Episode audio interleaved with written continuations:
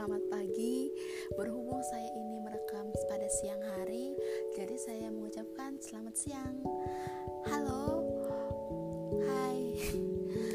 Nama saya Febria Ulpahyandra Katimenta. Saya dari Prodi Ilmu Pemerintahan, Fakultas Ilmu Sosial dan Ilmu Politik, Universitas Lambung Mangkurat, angkatan 2018. Jadi di sini saya ingin bahas sedikit tentang APBD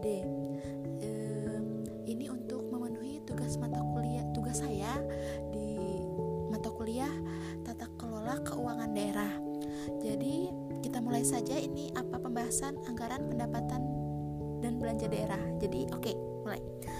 Anggaran pendapatan dan belanja daerah atau biasa disingkat APBD adalah rencana keuangan tahunan pemerintahan daerah di Indonesia yang disetujui oleh Dewan Perwakilan Rakyat Daerah. APBD ditetapkan dengan peraturan daerah. Tahun anggaran APBD meliputi masa satu tahun, mulai dari tanggal 1 Januari sampai dengan tanggal 31 Desember. Jadi APBD, APBD itu terdiri atas dua. Yang pertama anggaran pendapatan dan anggaran belanja. Jadi anggaran pendapatan ini terdiri atas pendapatan asli daerah yang meliputi pajak daerah, retribusi daerah, hasil pengelolaan kekayaan daerah, dan penerimaan lain-lain. Bagian dana perimbangan yang meliputi dana bagi hasil, dana alokasi umum, dan alokasi khusus lain-lain pendapatan yang sah seperti dana hibah atau dana darurat. Lalu yang kedua, anggaran belanja yang digunakan untuk keperluan penyelenggaraan tugas pemerintahan di daerah. Pembiayaan yaitu setiap penerimaan yang perlu dibayar kembali dan atau pengeluaran yang akan diterima kembali baik pada tahun anggaran yang bersangkutan maupun tahun-tahun anggaran berikutnya. Lalu fungsi APBD Pertama, fungsi otoritas. Dalam hal ini, fungsi otoritas dari APBD adalah anggaran daerah akan dijadikan sebagai suatu dasar dalam menerapkan pendapatan dan belanja pada tahun berlangsung. Kegiatan pemerintahan daerah tidak akan memiliki kekuatan untuk bisa dijalankan tanpa anggaran APBD. Lalu yang kedua, Fungsi perencanaan Pengertian APBD sebagai fungsi perencanaan berarti anggaran daerah dijadikan sebagai suatu pedoman dalam mengelola dan merencanakan berbagai kegiatan di tahun berlangsung. 3. Fungsi pengawasan. Pengertian APBD sebagai fungsi pengawasan adalah anggaran daerah akan dijadikan sebagai tolak ukur untuk bisa menilai kegagalan atau keberhasilan pemerintah daerah setempat dalam penyelenggaraan kegiatannya. 4. Fungsi alokasi Pengertian APBD sebagai fungsi alokasi berarti anggaran daerah harus bisa diarahkan untuk bisa membuat lapangan kerja, mengurangi angka pengangguran, pemborosan dalam menggunakan sumber daya, dan juga meningkatkan, meningkatkan efektivitas dan efisiensi dalam perekonomian daerah. Lalu, fungsi distribusi.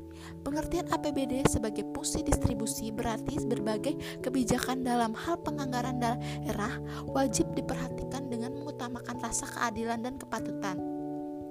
6. Fungsi stabilitas.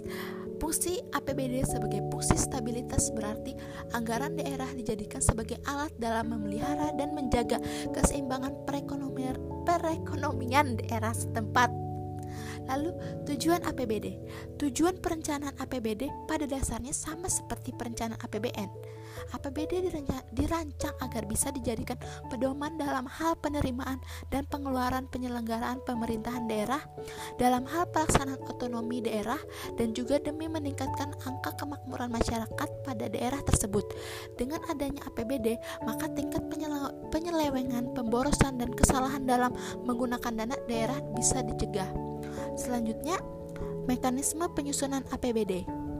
Penyusunan yang pertama, penyusunan RAP, RAPBD. Rancangan anggaran pendapatan dan belanja daerah yang dilakukan oleh pemerintah daerah. Dua, RAPBD diajukan kepada DPRD untuk menentukan apakah RAPBD tersebut dapat disetujui atau tidak. Lalu yang ketiga, apabila DPRD memutuskan untuk menyetujui RAPBD yang telah disusun, maka RAPBD kemudian akan disahkan menjadi APBD. Apabila DPRD memutuskan untuk menolak RAPBD yang telah disusun, maka akan menggunakan RAPBD tahun sebelumnya. Pendapatan asli daerah atau disingkat PAD adalah penerimaan dari sumber-sumber di dalam wilayah suatu daerah tertentu yang dipungut berdasarkan undang-undang yang berlaku. PAD bertujuan memberikan kewenangan kepada kewenangan kepada pemerintah daerah untuk mendanai, mendanai pelaksanaan otonomi daerah sesuai dengan potensi daerah sebagai perwujudan desentralisasi. PAD terdiri dari hasil pajak, retribusi daerah, pendapatan dari dinas-dinas, BUMN, dan lain-lain yang dikalkulasikan dalam bentuk ribuan rupiah setiap tahunnya. PAD sebagai salah satu sumber penerimaan daerah mencerminkan tingkat kemandirian daerah. Semakin besar PAD, PAD mengindikasikan bahwa sebuah daerah mampu melaksanakan desentralisasi fiskal dan ketergantungan terhadap pemerintah pusat berkurang. Selanjutnya, wajar tanpa pengecualian atau WTP adalah opini terbaik yang bisa didapatkan oleh perusahaan setelah diaudit oleh kantor akuntan publik.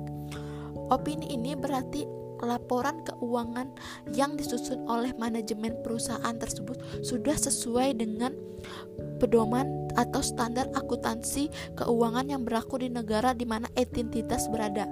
Contohnya Indonesia, laporan keuangan setelah audit yang mendapatkan opini WTP adalah laporan keuangan yang penyusunannya sesuai dengan PSAK dan IFRS utamanya tidak mengandung kesalahan saji yang material. Ini saja yang dapat saya sampaikan. Mohon maaf jika ada suara-suara yang mengganggu, suara saya yang tidak jelas atau tidak atau kecepatan gitu suara saya. Mohon maaf sebelumnya. Selamat siang. Wassalamualaikum warahmatullahi wabarakatuh.